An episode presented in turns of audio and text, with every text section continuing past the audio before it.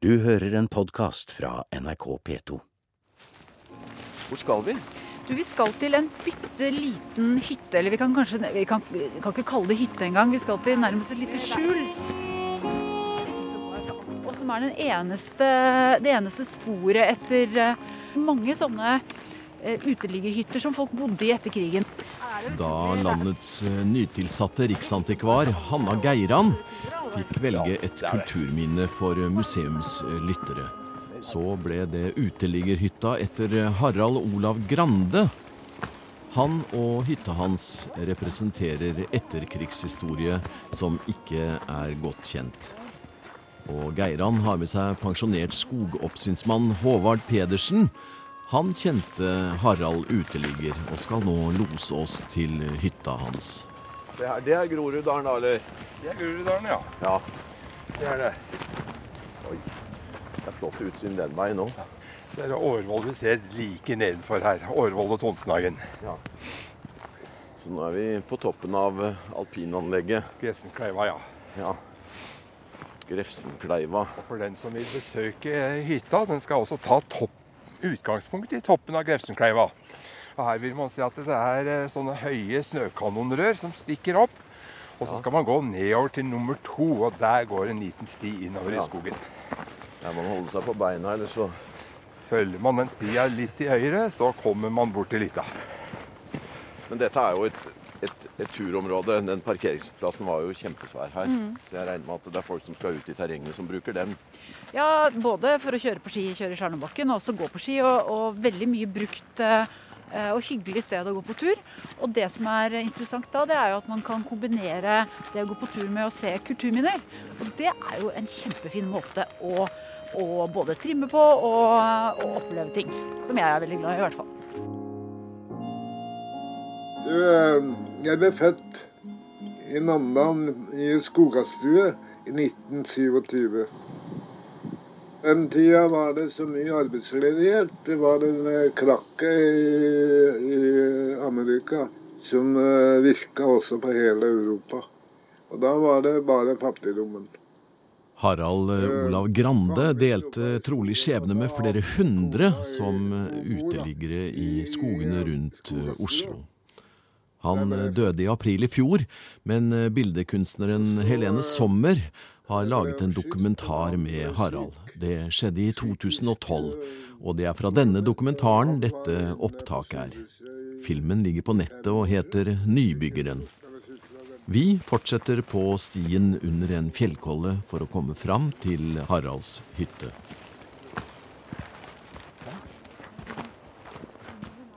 Her ser vi en steinformasjon som man finner jeg tror, ingen andre steder i marka her. Nei. Nemlig fjellet som henger over stia. Nedover på høyre side så er det stupbratt, og så har man fjellet nærmest som et tak over stia her. Ja, det var en voldsom eh, koloss. Det ser ut som en stein, men det er vel eh, fjell. Det er fjellet, ja. Ja. Det har vært en litt løse bergart innunder der, så- så den er blitt gravd ut gjennom mange mange år. Ja. Og så har da blitt det litt harde fjellet hengende som et tak over. Ja, og nå flott dekorert med istapper. Ja, Helt ferske for anledningen. Jeg sier spøkefugl når jeg går her med unger bl.a. at nå skal dere gå på Oslos eneste boligvei med tak. For dette er faktisk en boligvei, denne lille stia her. Ja. Da går vi. Ha, se her, ja. Nå, går vi under et Oi, vær forsiktig. Det må se seg for nå. Det er uteliggerhytte. En uteligger skal jo ligge ute, men eh, det begrepet har jeg ikke hørt så ofte. Det var nok standarden på hyttene som var såpass dårlig at det var nesten som å ligge ute. Men dette er et litt sørgelig kapittel i norsk etterkrigshistorie. For det var jo boligmangel etter krigen. Og da de som fikk tildelt bolig først, det var jo familier. Og var det noe til overs, var det ektepar. Mens da enslige, de måtte greie seg sjøl. Og blant veldig mange av de enslige så var det krigsseilere og andre krigshelter. Som slet også da med traumer etter krigen. Flere med alkoholproblemer pga. dette her. Ja. Og fikk ikke noe hjelp for det. Nei. Opplevde at uttak var jo Norges lønn etter krigen. Ja. Og dermed så blomstra det opp med masse uteliggerhytter. Flere hundre stykker rundt omkring i Oslo. I skogen, i, langs elver. og andre skogområder dukka det opp uteliggerhytter. Men så i 1963, nyttårsaften 1963, så skjedde det en eh, tragisk tragedie her oppe. Uteliggerne var normalt eh, veldig fredelige av seg. Men så var det da nyttårsaften, og det ble oppstått fylleslagsmål, og en uteligger døde i det fylleslagsmålet. Da fikk Oslo kommune det påskuddet de hadde lett etter, nemlig å få uteliggerne ut av skogen. Og Jeg husker sjøl som guttunge, jeg har vokst opp her nede på Årvoll, Ja. at det, br- så det røyk opp fra åsene rundt her. Og jeg og andre guttunger, jeg var vel en elleve år den gangen, vi tenkte jo skogbrann. Vi ville løpe opp og hjelpe til å slokke. Og kom opp i skogen, og der sto det brannbil. Men det var ikke skogen som brant, det var hyttene. Og brannvesenet hadde fått ordre om å tenne på. Ja vel. Og dermed så ble jo alle hyttene brent opp og uteliggerne fordrevet. Hva som skjedde med dem, det er ikke ført noe statistikk på. Men en del havna nok på sovesaler nede i byen. Noen prøvde seg med hytte et annet sted, og noen dro hjem til opprinnelig hjemsted. Håpa å finne noe de kunne bo der, et sted å bo der. Men den hytta vi har foran oss her nede nå, den ja. lå så bortgjemt at den ble rett og slett ikke funnet. Ah, Og dermed så fikk jo da uteliggeren fortsette å bo her oppe. ja. Og nå skal den bli bedre kjent. Nå er vi her. Ja, Og skal formidle den historien. Ja. Det var veldig interessant, altså. Og ukjent, vil jeg si. Eh, men så sent som på Var det 2 eller 63 du sa? At Ja. de ble brent Ja, ned? Fordi de holdt så lenge ut, altså? Ja, ja da, de gjorde det. Og det var ikke gjort noe fra myndighetenes side for å Nei, si, integrere dem tilbake? Nei, ingenting. Og det var jo normalt fredelige, ærlige mennesker, de fleste av dem. Absolutt. Det var jo det. Men eh, jeg blei jo etter hvert oppsynsmann i skogen her, og visste ikke sjøl om den der hytta her sånn. Så hadde noen som fortalte meg om den, så den måtte jeg undersøke. Det var jo en del av mitt ansvar. Og fant jo hytta. Det var en marsdag med ti kuldegrader. Og da lå uteligger Harald her i hytta uten ovn. Rett og slett. Han hadde ikke noen ovn her. Og eh, jeg kom i prat med han. Og om det ikke er lov til verken å bygge seg hytter i skogen eller bo i skogen, så bestemte jeg meg likevel der og da for å frede han og hytta som et kulturminne. Du verden, det er jo fint å høre også for en riksantikvar, selvfølgelig. Ja, at, at noen grep inn og kanskje var litt sivilt ulydig. For det var vel det du var. Jo, men det er jo, det er jo et utrolig godt eksempel på nettopp det at eh, hva skal man si, frivillige entusiaster eh, Håvard hadde dette som jobb, men har også et stort engasjement. Eh, kan, gjøre, kan gjøre store ting. Og dette er jo det at det nå er ikke sant, Den har fått stå i fred. Den er akkurat nå satt i stand ved hjelp av midler bl.a. fra historielaget her, på, eh, her i området. Så, så er jo det et liksom et bilde på hvor mye enkeltmennesker og hvor mye enkeltmennesker kan få til. Eh, Så, så det er også viktig å snakke om, syns jeg. For hele Norge er jo fullt av eh, Håvard Pedersen-typer. Og det er jeg jo utrolig glad for.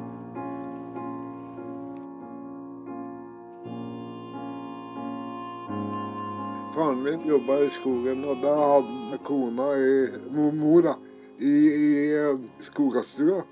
Der ble jeg født. Og så eh, ble de skilt da han ble syk. Psykiske eh, problemer. Eh, Han var inne på sykehuset i, i fem år, tror jeg. Jeg husker ikke så godt, men jeg syntes det var veldig lang tid. Og så ble det jo sånn at vi, hun klarte ikke å brøpe fem unger da, alene. Så kom hun på det vi kaller for fattigkasse i Norge. De lodda ut sine egne løsøre for å tjene penger da, og underholde de fem unga. Og så ble det til det at du klarte ikke det til slutt. Der. Det var slutt med tingene. Og så ble vi bortsatt etter den tida. Altså dels på forskjellige som tok seg av eh, barn, da. Men det var jo heller ikke bra. Det var jo litt vold, da. Og så gikk det så langt at uh, lensmannen må inn og, og undersøkte det hele. Så var jeg der til det var, eh, ble konfirmert. Jeg 14 år. Harald eh, hadde en vanskelig start på livet og var på ingen måte godt vant. Harald ble innkalt til tjeneste i Tysklandsbrigaden i 1947. Han var da nettopp fylt 20 år. Tysklandsbrigaden var den norske hærens bidrag til den allierte okkupasjonsstyrken i Tyskland etter den andre verdenskrig. Brigaden sto inn i norsk administrasjon, men under britisk operativ kommando. Så reiste vi hjem. Men det var, det var ikke noe jobb å få. Men jeg visste jo det, da, at som har vært i Oslo, for jeg spurte litt her og der. Ja, at det var nok jobb her. Men det var ikke noe hus. Men så bodde jeg da på et sånn kristelig eh, pensjonat, da. Men pensjonatet var jo like mye dyrt som hotell, da, vet du. Og når du var eh, arbeidsledig, da, så var det én ting til. At jeg ikke fikk ikke lov til å bo der mer enn to uker. Fikk jeg jobb, da. Da satt jeg en sjømann på Østbanen og spurte om jeg trengte jobb. Ja, så er det ikke så enkelt å få jobb her, sa jeg. Jeg er ukjent i byen. da. Jo da, da skulle jeg melde meg et sted, da. Det var i Skippergata. Det var et underfirma. Tok alle sjøfolka, vet du. Det var de sjøfolka, det var dem som seilte under krigen. Brygga kunne du få på kjøring, lossing og lasting. Slik forteller uteligger Harald Olav Grande om sitt liv i filmen til bildekunstner Helene Sommer. Han fikk jobb, men ikke husvære, og etter litt eh, rekognosering havna han i hytta høyt oppe i fjellsiden på Grefsenkollen, med utsikt mot Groruddalen. Men jeg lurer på om det kan være en Sånn, hadde jeg vært barn, så syns jeg det hadde vært veldig morsomt her. Fint lekested og fint sted å ha hytte. Hvis den, for her er det spennende, rett og slett. Vi henger ned her fra selve Grefsenkollen og, og nedover. Jeg har hatt med mange skoleklasser hit, og de syns både stedet selvsagt er veldig spennende, men også ikke minst historien. Den historien virkelig går inn på dagens unger. Og det er ganske derfor viktig å formidle den også. Man skal ikke glemme slike ting.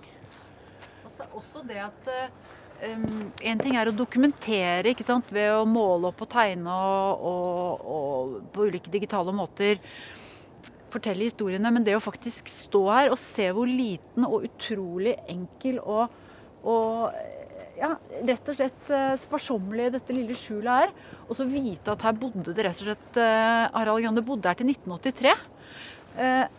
Og når vi nå går inn etterpå, så ser vi jo standard. Det er jo ikke noe standard. Det er en, det, det er en kraft i det, og det, det, gjør at det er enklere for skolebarn, men også for alle oss andre å forstå, forstå denne historien. Du som er arkitekt, hva vil du kalle stilen? Er det funkis? dette, dette er eh, Hva skal man si? Er, det, er et, det er, rett og slett et veldig enkelt skjul. Ja. Og han hadde jo ikke noe kjøkken, det kan jo Håvard fortelle mer om, men det kjøkkenet hadde han også under den helleren, altså fjellet som henger utover ja, oss her. her borte, ja. Der hadde han kjøkkenet sitt. Og, så, og da jeg var her første gang, så hang speilet hans på en krok på et tre. Der sto han og barberte seg. Så dette er, dette er, et liv ingen av oss kjenner til. Vi, vi, kan ikke noe om det. Vi lever i et helt annet samfunn. Men han bodde altså her og, og levde jo lenge. Eh, han ble jo gammel. Og gikk opp og ned til Akersmek hver dag. Som er Hvor mange kilometer er det da? 10 kilometer en vei. Ikke sant? Ja, på jobb. Så han har jo god form. Jeg hadde en snev av klaustrofobi. Det gikk jo på jobben. Altså, Køa i trikken var så tett som en sild i tønne. Da likte jeg meg ikke. Da gikk jeg heller. Han eh, hadde litt klaustrofobi for busser og trikker. Så han, Derfor så gikk han ti km opp og ned på jobb hver dag. Så her hadde han kjøkkenet, altså? Ja, her lagde han maten sin. Og det er eh, Ja, nå er det jo noen benker og greier her, men det er egentlig bare altså en bålplass. Og så er det noe utstyr som er etter som er vel etter Harald. Og, og det var slik han levde, altså. Sommer og vinter. Det er langt til nærmeste butikk her. Hvordan uh... Han handla litt med seg på tilbakeveien. Da, og han gikk gjerne litt forskjellige stier når han skulle til hytta. Det er litt forskjellige ankomstmuligheter her. Det var nok det fordi at da stien ikke skulle bli for godt opptrukket. Og så fikk han jo god hjelp av folk i, i, i nærmiljøet her på Grefsen. Det skal ja. også sies og nevnes, så, så, det er klart at uh, han hadde gode venner. Og det har nok vært nødvendig for å kunne overleve.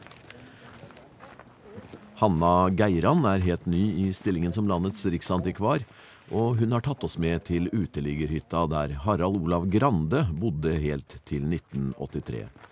En historie manifestert i en enkel plankehytte innunder et utspring i Grefsenkollen. Vi tar en liten pause fra hytta og skal nå høre litt om hva hun tenker om sin nye jobb. Så når man begynner som eh, riksantikvar og setter seg på kontoret, hva, hva, hva gjør en da? Nei, eh, jeg satte meg jo eh, i både stolen til en riksantikvar som har vært veldig opptatt nettopp av å være synlig og være Fortelle historiene sånn at de når fram til mange. Og det syns jeg er et veldig det, er, det, ønsker jeg jo å følge opp nettopp fordi at det er så mange interessante historier knyttet til, til kulturminnene våre. Og så syns jeg eh, det også er viktig at det er diskusjon og debatt om det vi holder på med. For det, det er et stort engasjement, og det er mange synspunkter. Og det at vi liksom diskuterer og, og, det blir futt og fres i vårt arbeid hos Riksantikvaren, det er bra. Og så syns jeg også at eh, Oi, nå er det en skikkelig bratt kneik her. Skal vi se. Nei, så er jeg også opptatt av at uh, kulturminnevernet og kulturarven vår er en viktig del av klima- og miljødebatten. Det at vi kan Det at vi ser kulturminnevernet som en del av den sirkulære økonomien, det at man gjenbruker, setter i stand, reparerer istedenfor å kaste, det er noe som ikke har kommet godt nok fram i, i klima- og miljødebatten, etter min oppfatning. Så, så det å si at uh, gjenbruk, ta vare på, god ting for samfunnet, god ting for oss alle. Det er viktig. Og der er Vern gjennom bruk har vern jo vært gjennom, et uh, Vern gjennom bruk er et glitrende slagord som, uh, som vi um, selvfølgelig følger. Og også det at vi ser at kulturarven er Det er jo lønnsomt. Det er jo lønnsomt å, å ta vare på. Vi har jo undersøkelser som, som sier at det å, å eh, bo eller kjøpe hus i et område som eh, har et vern, det gir prisstigning. Og det er ikke så rart, fordi at eh, man bor i et område der det er forutsigbarhet. Man vet eh, stort sett hvordan naboomgivelsene blir i årene fremover. Og så er det veldig flotte og hyggelige områder. Og det med byutvikling og det å på en måte bruke våre og så bygge videre på eksisterende omgivelser, det er, det er en fin ting. Og da kan eiendomsmeglerne ja, da... br bruke begrepet enten hus eller område med sjel. ja, men vi, vi, jeg mener jo at eiendomsmeglere absolutt må spisse ørene når vi er ute og forteller om disse faktaene vi har. Fordi at, eh, fordi at det handler jo faktisk om at det er både klokt bra Eh, miljømessig lurt og løn også lønnsomt å ta vare på. Og så jo, ser vi jo at eh, folk ønsker jo å oppleve un unike steder, og, og, at kulturturisme er noe som er i vekst. Ikke sant? Vi reiser jo til utlandet for å oppleve historiske omgivelser, og vi reiser i Norge. Og vi har masse spennende og interessant i Norge. Og kulturarven og kulturminnene er en viktig del av kulturturismen. Er det noen områder det er virkelig viktig å ta tak nå, som vi kanskje er på etterkjelken? Det vi ser er jo at uh, i landbruksbygninger, det er uh, der, der, der, taper vi de, Det er mange som går tapt, rett og slett. For det landbruket er i endring. Er jo, samfunnet er jo i utvikling hele tiden. Og det, og det er klart at det, det, er jo naturlig. Men det er uh, landbruksbygningen er en utrolig viktig del av kulturlandskapet vårt. Og så ser vi også at eh, sjøhus og naust langs kysten, de, eh, der er det også mye forfall og at, at, vi, at, vi, mister dem. Og det er klart at det å kunne ta i bruk disse bygningene, bruke dem på nye måter, eh, kunne bygge dem om, det er jo en innmari god idé. Eh, for det, vi taper én ting, er at vi tar vare på de store, flotte bygningene våre. men men det som er våre vanlige omgivelser, det vi, som er kulturlandskapet vårt, det består jo av alle disse vanlige, alminnelige bygningene som vi er vant til å se, og som nå forsvinner. Ja, en kan nok eh, unngå å legge merke til hvordan egentlig flotte, gamle låvebygg og sånn på gårder bare raser sammen, og så kommer det opp et eller annet eh, moderne, selvfølgelig. Det må jo også skje, men eh, det har skjedd i veldig stor grad, i hvert fall i det området jeg kjenner. Ja, Det er klart, vi skal ikke, det er jo ikke sånn at uh, alt var så mye bedre før og alle gamle hus uh, skal tas vare på for enhver pris. Men Nei. det er det å, å kunne ta vare på omgivelsene våre og, og som sagt gjenbruke bygninger, det er, uh, det er en god idé på mange vis. Er, dette stedet og den hytta freda? Nei, eh, den er ikke fredet etter kulturminneloven, men den er altså skiltet, og den er jo et kulturminne i Oslo og registrert som det. Så, så det er jo absolutt et kulturminne som, som blir tatt vare på og skal tas vare på. Skal vi se da. Skal vi gå inn og se?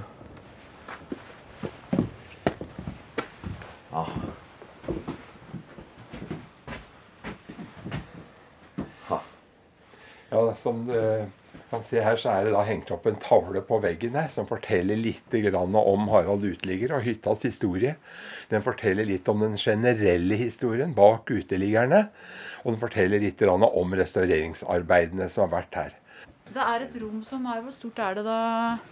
Skal vi se, er det kanskje 15 kvadratmeter? Ja, om det er så stort. Ja, men er så, si, si 12, da. 12 Ja. kvadratmeter. Og det er ett rom.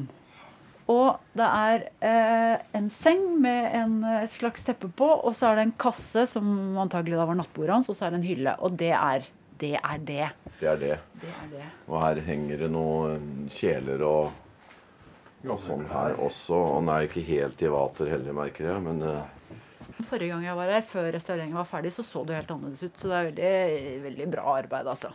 Og det at man ikke sant, Det henger en Irma, plastpose Irma er jo, fins jo ikke nei, år siden. jeg husker det. Ja, Så det at man har disse tingene som, som illustrerer hvordan han levde, da. Klærne hans og noe småtteri med en termos og litt uh, kjeler og, og spisebestikk, det, det, gir jo, det gir jo veldig liv til den historien. Ja.